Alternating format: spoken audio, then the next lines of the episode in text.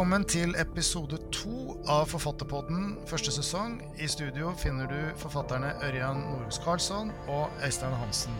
Og i dag så har vi tenkt å snakke om dramaturgi. Ja, og dramaturgi var vi jo litt innom i eh, den første episoden. Men i dag så tenkte vi at vi skulle gå litt ned med i materien og eksemplifisere det mer. Det fins jo flere dramaturgiske modeller, mange forskjellige for så vidt. Men linjene de peker tilbake til Hellas.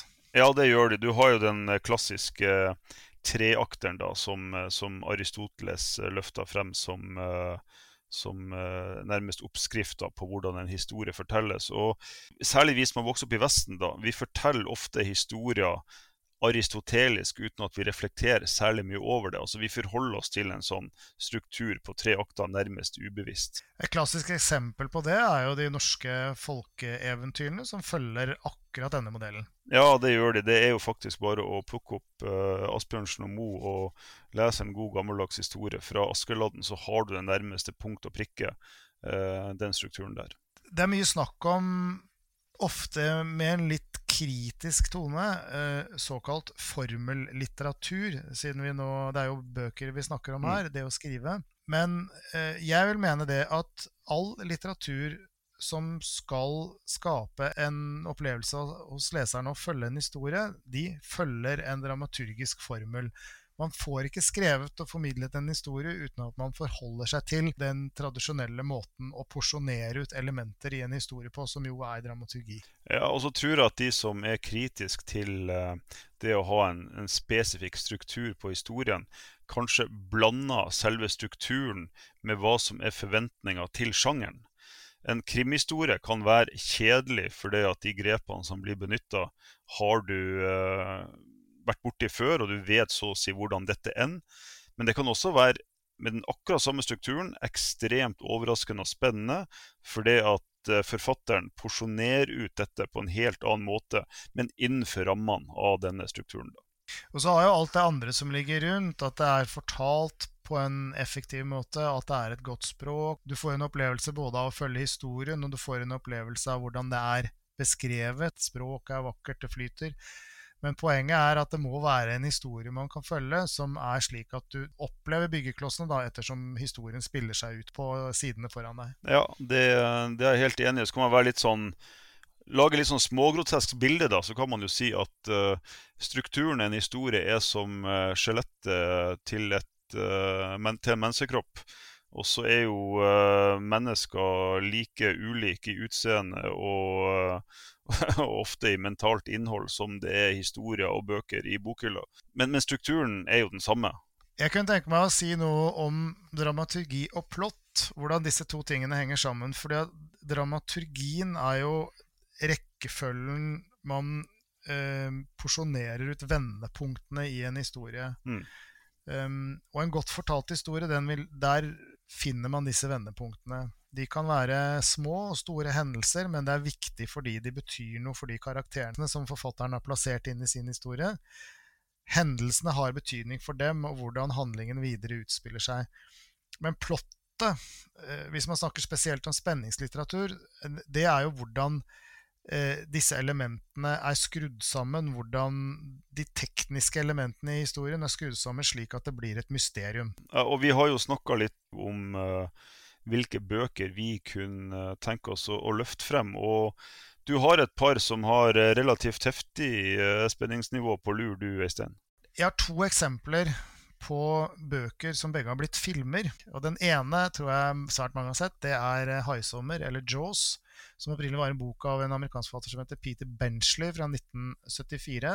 Filmen som kom ett eller to år etterpå, det var kanskje bare året etter, tror jeg, en av Steven Spielbergs første filmer, mm. er jo en studie i en helt perfekt dramaturgi. Det er en oppbygning i den historien, eh, både i bok og i film, som er snikende. Det er små drypp av hendelser som alle sammen, etter hvert som man eh, leser eller ser utover historien, så får disse tingene betydning. Mm. I starten så er det noen mennesker som er borte, du ser en krusning i vannet, det er disse små, små tegnene til at noe skal skje.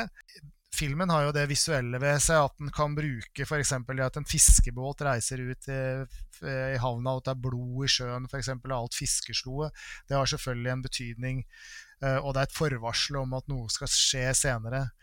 Men haien den ser du jo veldig veldig sjelden. Ja. Det er ekstremt spennende, den filmen, men du ser nesten aldri haien.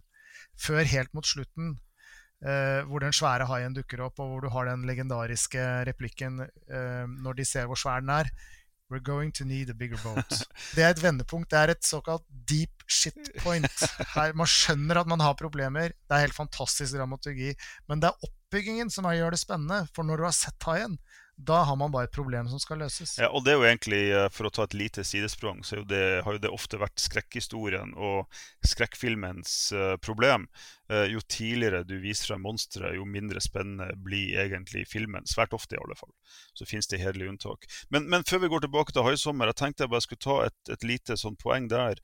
Uh, bøker som har blitt til filmer, de som virkelig lykkes, som 'Haisommer' og også Stephen Kings 'Misery', når du ser den boka bli gjort om til film, så er det sånn at man nærmest reindyrker disse omdreiningspunktene i boka når man overfører den til film. Og da blir også denne underliggende strukturen, altså treakteren, veldig synlig. Altså hvordan man har brukt den. Og det er interessant. I så måte er det jo interessant å studere film, også hvis du ønsker å, å skrive eh, spenningsbok, f.eks. Et tips om hvordan man skaper en episk historie, en spenningshistorie, det er eh, å se serien Narcos, som går, eller finnes på Netflix, som handler om Pablo Escobars narkoregime. I hvert fall de tre første sesongene gjør det. Mm.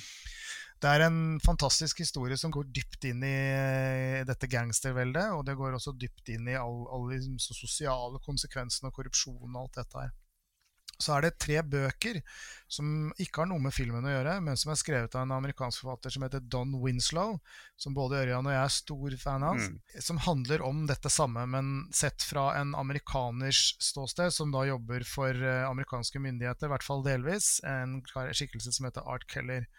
Og de tre bøkene heter The Power of the Dog, The Cartel og The Border. De forteller en fantastisk hard, men også veldig var historie om konsekvensene av narkotika langs grensen mm. mellom Mexico og USA. Jeg vet ikke om de to første bøkene du nevnte er oversatt, men for de av dere som eh, foretrekker å lese på norsk, så finnes i alle fall The Border eh, på norsk under tittelen 'Muren'. Så, eh, så den, den, er i alle fall mulig å få tak der.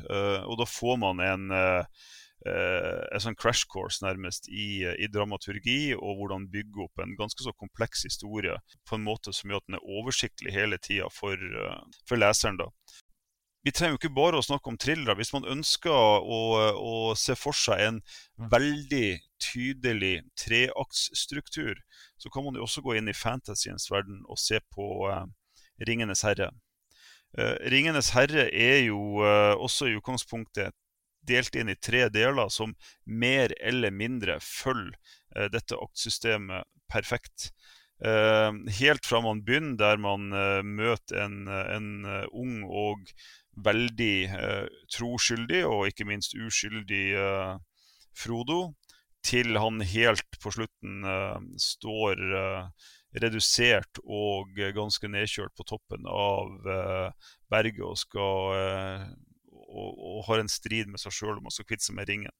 Og Det som den filmen også har, og de bøkene også har, og som er noe man kanskje av og til glemmer, er at den har en slags epilog, der man tar helten og hovedpersonene tilbake til den virkelige verden, altså verden som han var før dette eventyret begynte.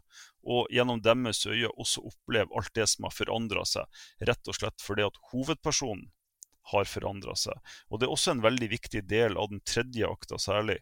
At man blir ført tilbake, men man ser verden en, um, på en annen måte ofte. Og særlig Art Keller, hvis man følger han i alle disse tre bøkene, så, så er jo han en helt annen person uh, enn i, i, muren enn hvordan vi møter han i, i, Power of the Dog. Man kaller det gjerne karakterbue. Så den indre utviklingen til en litterær skikkelse i en bok, eller en karakter i en film eller en serie. Du må sørge for at personene dine utsettes for uh, erfaringer og bruker disse underveis til å skaffe seg selv ny erkjennelse. Mm. Og det kan jo være både på handling, men også refleksjon, at den indre monologen, at den indrer seg Man merker at menneskene man skriver om, de personene historien handler om, de gjennomgår en personlig utvikling. Det, det, er jo ofte slik at hvis man jeg tenker gjennom en historie, eh, en roman man har lest, og, og kommer frem til at, eh, at denne var usannsynlig, den fenga ikke, så handler det veldig ofte om at den, eh, den hovedpersonen du har fulgt, har vært utsatt for mye rart. Uh, men ikke har forandra seg underveis. Altså Han har bare møtt ting underveis uten at det har gjort noe med han. Og Da fremstår det som relativt uh, urealistisk. Uh, og Det vil jo leseren kjenne på seg sjøl òg. Hvis man har vært utsatt for en eller annen gjerne gledelig eller traumatisk hendelse i sitt liv, så har man blitt forandra når man kommer seg gjennom det. Og Det samme gjelder selvfølgelig romanfigurer. Det er en viktig del av både karakterbuen og ikke minst den overordna plottbuen. Og skal man lære seg dette her eh, på en måte skjelett i dette her, så, så ville jeg eh, kanskje anbefale å bruke litt tid på å lese helt klassisk eh, skuespill. Mm. Altså, vi har jo en av de virkelig store eh, her i landet, Ibsen. Hans stykker er jo uh, som lærebøker i både dette med karakterutvikling og dramaturgisk eh, fortellerkunst. Eller Shakespeare, for den del. Mm. Hvor, hvor karakterene gjerne har litt sånn de er litt skjematiske. De har litt sånn voldsomme, voldsomt tydelige egenskaper. Men det, sånn må det være i et teater. Og det er egentlig ikke noe annerledes i en bok heller, men det, det, må, det må, finslipes mer. Det, det, må gjøres mindre tydelig. For det, er bare en annen måte å kommunisere en historie på, tenker jeg, litteratur, enn en teatret f.eks. Eller en film. En annen sånn klassisk uh, fortelling er jo uh, My Fair Lady. Uh, Pygmalion av eh, George Bernard Shaw, der man følger eh, Eliza eh, gjennom utviklinga fra nærmest gatebarn til en, en, fin dame, og nærmest til, tilbake igjen. Den er et veldig sånn, fint studium i disse tre aktene, og der det egentlig slutta med den store selvinnsikten etter hvert. Pluss at da denne personen som, har vedda på at han kan ta og gjøre hvem som helst ei fin dame, sjøl lærer ting om seg sjøl. Et annet eksempel er historien om David Copperfield av Charles Dickens. David han har en traumatisk barndom. Faren dør, moren gifter seg igjen, og han kommer på kant med den nye mannen moren har valgt, Murdstone. Mm. Uh, Murdstone gir David juling bl.a. fordi han ikke klarer skolearbeidet. Og i en bestemt scene så biter David Murdstone i hånda, og da blir han sendt på kostskole. Mm. Og Til slutt så dør også moren, og da blir David sendt til London av Murdstone for å jobbe på en fabrikk. Så det er mye motstand i Davids barndom. Men denne boka er et fint eksempel på hvordan en karakter kan utvikle seg i en historie. Ja. Den representerer egentlig en reise i både endring og vekst, fra barndom til hovedpersonen er middelaldrende og gjennomlever av livets forskjellige passasjer. Så må vi også legge til at det er et ganske godt eksempel på livlige bikarakterer. Og for oss som er interessert i musikk, så kjenner vi jo alle til bandet Uriah Heap, som har tatt, eller har stjålet navnet fra eh, antagonisten i siste halvdel av boka, eh, svindleren Uriah Heap man kan jo, man kan jo egentlig uh, nærmest si at hva som helst av Dickens uh, er et, et, studium i, i historiefortelling og, og, bruk av en struktur, og ikke minst uh, når hvilken informasjon blir sluppet, slik at leseren hele tida er hooka.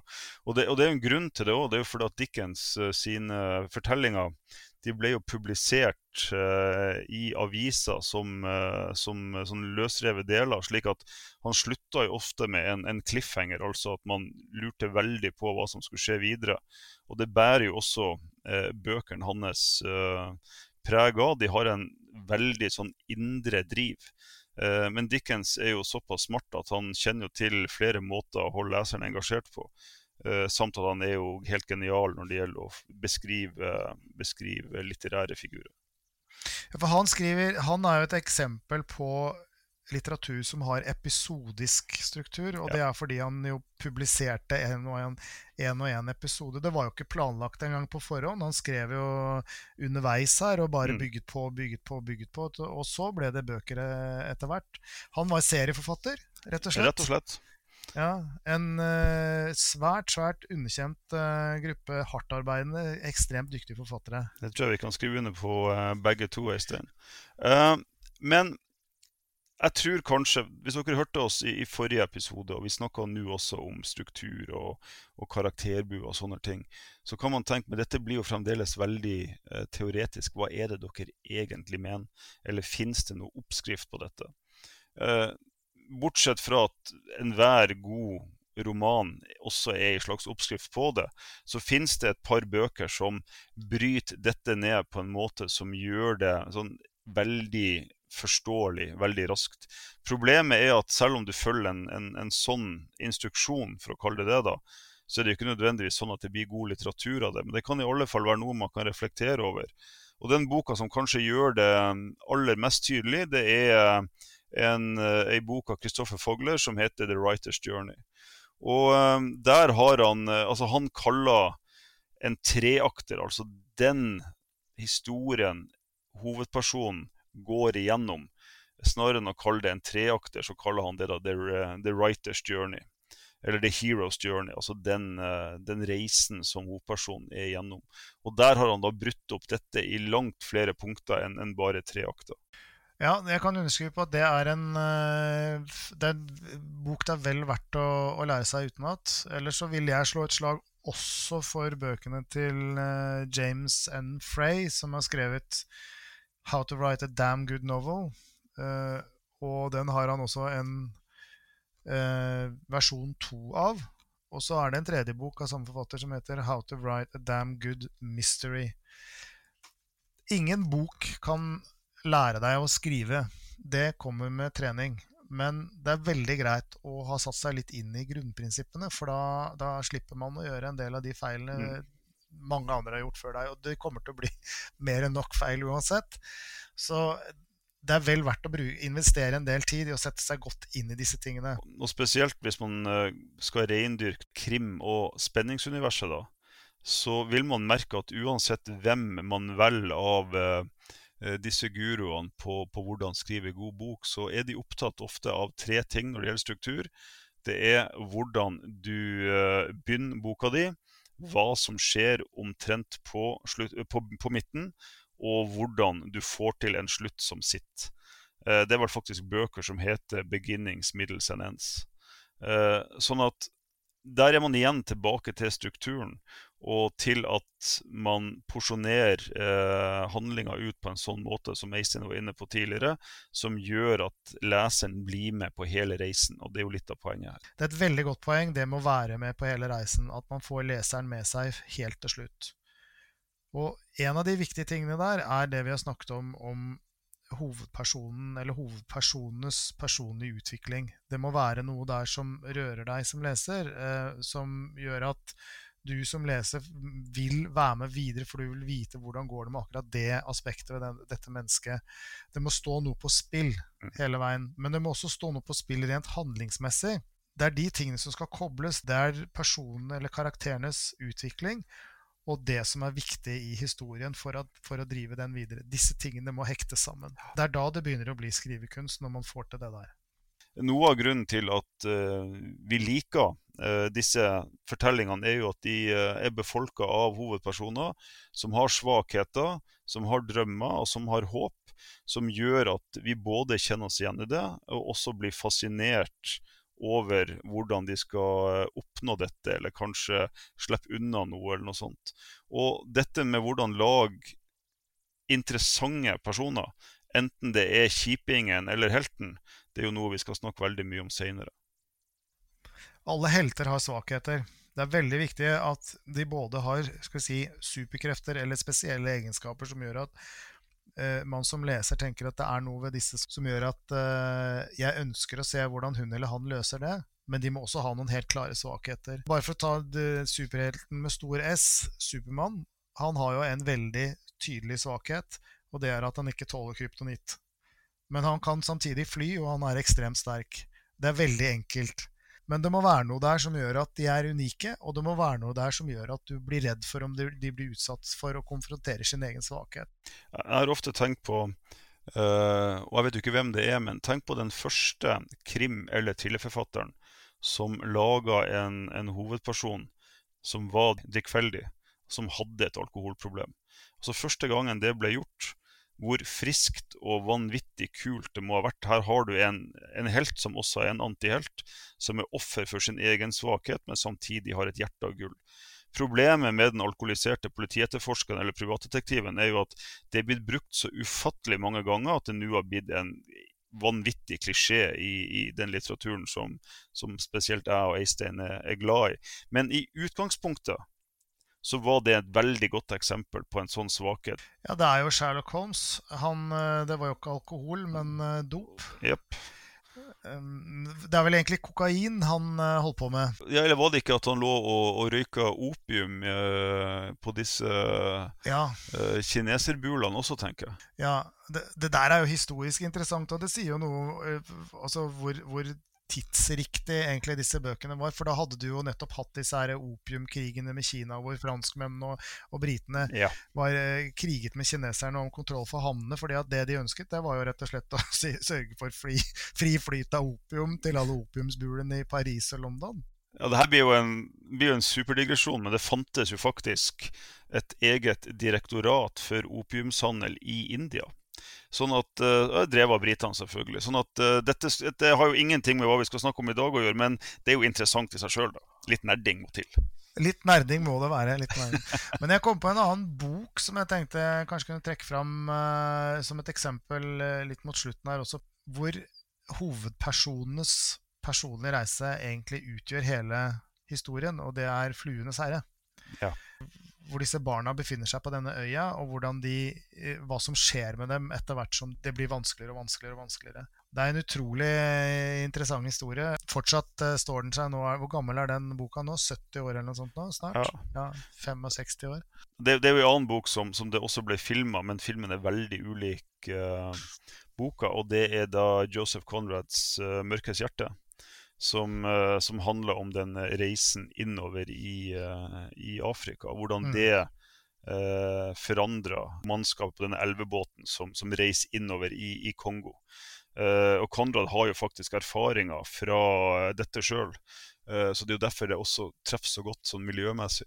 Og dette ble jo, ble jo gjenskapt da, i form av filmen 'Apokalypse nå', eh, der du også har denne reisen innover Mekong, er det vel gjerne, eh, til, til, dette mørke hjertet, da, men da i, i Vietnam.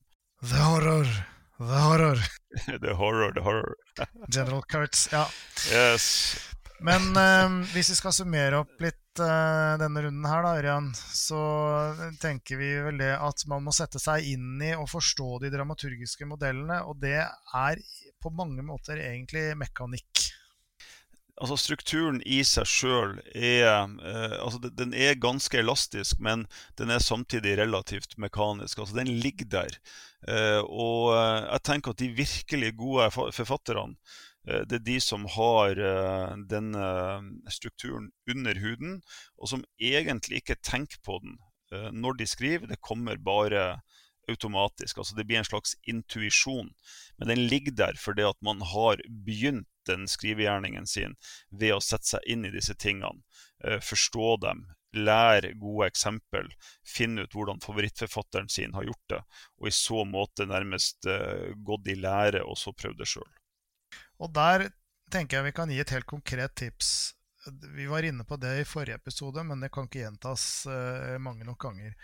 Når du leser, en bok som rører deg, eller du syns det er spennende, og du tenker 'nei, jeg må lese et kapittel til', hvorfor må du lese videre?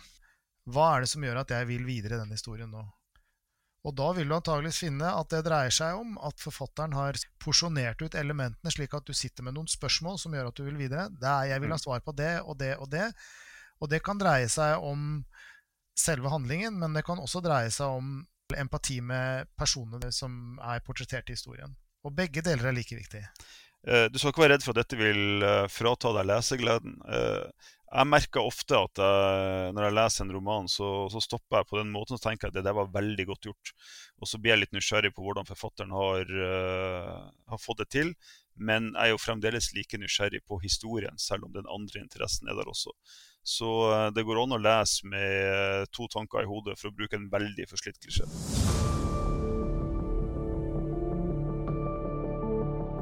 Tusen takk for at du lyttet på oss denne gangen også. Og neste gang, da skal vi snakke om hovedpersoner og bikarakterer. Velkommen tilbake da.